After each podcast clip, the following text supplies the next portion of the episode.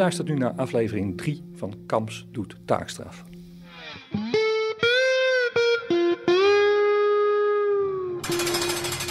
De derde werkstraf bij FC Horst. De werkmeester. Vorige keer in Nijmegen zat ik op een groepsproject. Ik hoop dat u het zich nog kan herinneren. Nu dus op een extern project.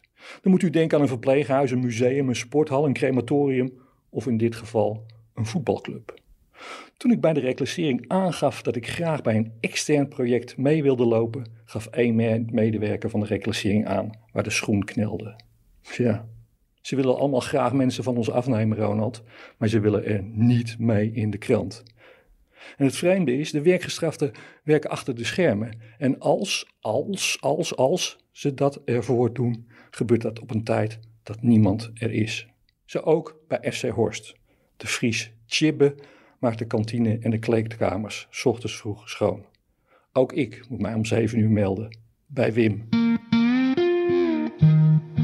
Het intakegesprek. Ik ben echt heel zwart-wit, zegt begeleider Wim. Te laat is te laat. Geen smoesjes. Ik waarschuw maar twee keer. Ja, hallo, ik ben toch geen kleuterlijster?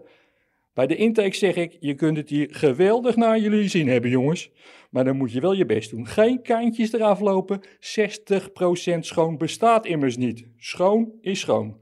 Tja, wanneer de wc onder de bril nog steeds vies is, dan kan ik heel vervelend zijn. Wim geeft het, als het op werken aankomt, zelf het goede voorbeeld. Hard werken is meewerken, is een van zijn credo's. Kijken wat je mensen doen.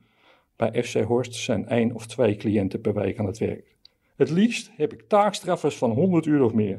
Dan hoef ik niet alles keer op keer weer uit te leggen. Wim pakt de bladzijde en doet een boekje open. Ze hebben wel eens geprobeerd om mij om te kopen. Ja, echt waar. Kun je geen krabbeltje zetten, vroegen ze dan. Dan krijg je van mij zo, hup, 2000 euro. ik ben niet te koop, jongens. Dat was dan mijn antwoord. Wat het werk betreft is Wim duidelijk.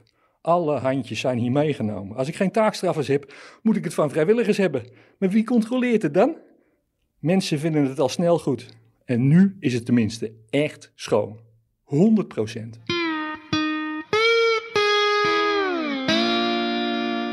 De werkgestrafte. Chibbe is 26 en hij is de enige werkgestrafte hier.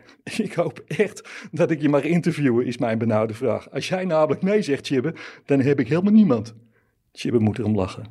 Zijn verhaal. Hij was net één dag uit de gevangenis toen zijn maat aangehouden werd. En Chibbe zat naast hem in de auto. Onder de passagiersstoel vindt de politie cocaïne. Echt, ik wist van niks. En mijn maat ook niet. Die had die auto gewoon geleend. Dus er was iets van uh, uh, 10 gram kook of zo. Ik dacht, ik zeg deze keer niks. Van vorige keer toen ging je praten en dan ging het echt helemaal mis. En voor die kook heb ik dus deze taakstraf. En over die gevangenis is die trouwens ook duidelijk. Ik, ik reed dronken, er was een politiefuik. En ik dacht, ik kan er nog wel even tussendoor. Dat ging dus niet. Naast het dronken rijden werd mij doodslag verweten. Inrijden op een paar politieagenten. Tja, ik heb er de krant nog mee gehaald. En mijn rijbewijs heb ik nog steeds niet terug. Wat zeg je? Hoe ik dit doe? Hier? Komen? Op tijd? Nou, ik kan je zeggen dat het een behoorlijk eentje moet wandelen om hier precies om zeven uur te zijn. Hij zuigt eens aan zijn checkie en plukt een stukje tabak van zijn tong af. En of ik het als een straf zie, herhaalt hij mijn vraag. Hm, ik ben een kleine zelfstandige. Ik heb het wel eens berekend. Dit, dit kost mij dus ongeveer 5000 euro. Dus ja, je kan wel zeggen dat het een straf is. Echt wel.